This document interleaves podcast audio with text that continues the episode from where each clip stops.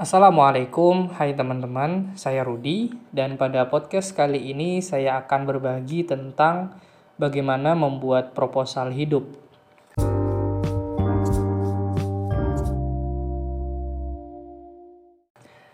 Pada podcast sebelumnya saya sudah e, membahas tentang penting nggak sih membuat proposal hidup. Dan mudah-mudahan kita sepakat teman-teman bahwa membuat proposal hidup itu penting tentu sebagai sarana atau bentuk bersyukur kita atas dihadiahi oleh Allah Subhanahu wa taala kehidupan ini. Oleh karena itu tentu kita tidak mau menjadikan kehidupan kita sia-sia, kata orang mati konyol gitu ya. Nah, melainkan menjadikan kehidupan ini berarti, bermakna, ya bertakwa, berprestasi di dunia dan juga di akhirat. Nah, kemudian pada podcast yang eh, yang yang part 2 ini bisa dibilang part 2 kita membahas tentang bagaimana membuat proposal hidup dan tema ini diinspirasi oleh motivator nasional yaitu Pak Zamil Azaini dan beliau menulis buku dengan judul Tuhan inilah proposal hidupku. Nah, setidaknya beliau menuliskan ada tiga langkah nih teman-teman membuat proposal hidup. Langkah yang pertama, kita perlu mencari tahu dan menuliskan teman-teman semua kelebihan dan kekurangan yang ada pada diri kita. Nah, jadi kita catat tuh, eh, kira-kira kita tuh ada kekuatan dan kelebihan apa ya? Bisa kita dapatkan secara eh, apa namanya kita merasa itu sebuah kemampuan, kita merasa itu sebuah kelebihan menurut versi kita. Nah, boleh dituliskan. Tapi ada juga kita ingin mengetahui kelebihan dan ke kekuatan itu melalui lisan orang lain, pandangan orang lain, sudut pandang orang lain. Mungkin orang tua kita, teman-teman kita, guru-guru kita yang mereka me berinteraksi dengan kita setiap hari, tentunya mereka eh, tahu kelebihan dan kekuatan kita. Nah, kita butuh informasi itu. Nah, jadi kita tuliskan kelebihan dan kekuatan diri kita. Itu langkah yang pertama, teman-teman. Langkah yang kedua adalah langkah yang kedua adalah menemukan dan menuliskan prestasi terbaik apa yang ingin kita capai dalam hidup kita.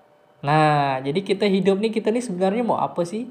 Kita mau mencapai karir terbaik tuh apa sih karirnya? Nah, itu mungkin juga bisa dibilang menentukan target jangka panjang kita nih teman-teman. Apakah 3 tahun, 5 tahun, 10 tahun.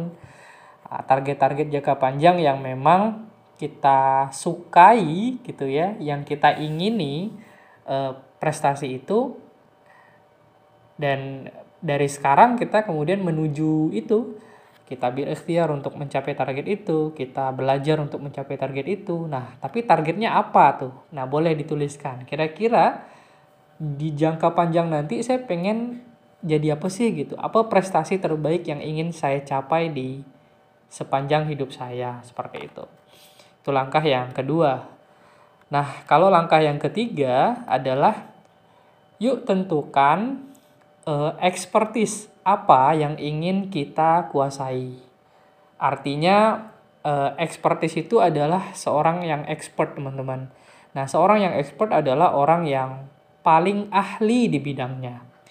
Nah, kalau saya bilang ahli dalam pesawat terbang, kalau di Indonesia siapa? Mungkin teman-teman sudah uh, muncul namanya yaitu Pak Habibie gitu ya.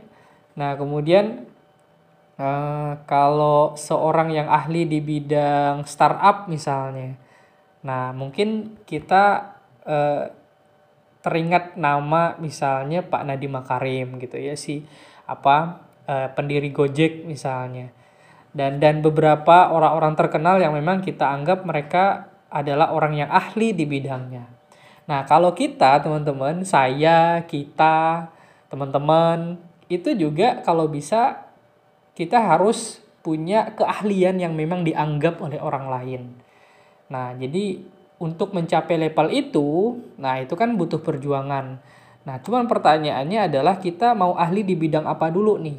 Nah, jadi eh, kalau eh, olahraga basket siapa sih yang legenda ahli gitu ya? Nah, tentu kita juga eh, akan terngiang dengan nama seorang yang namanya Michael Jordan. Nah, yaitu mereka yang ahli di bidang bola basket gitu. Nah, jadi penting banget sekali lagi teman-teman kita menentukan kita mau expertise di bidang apa.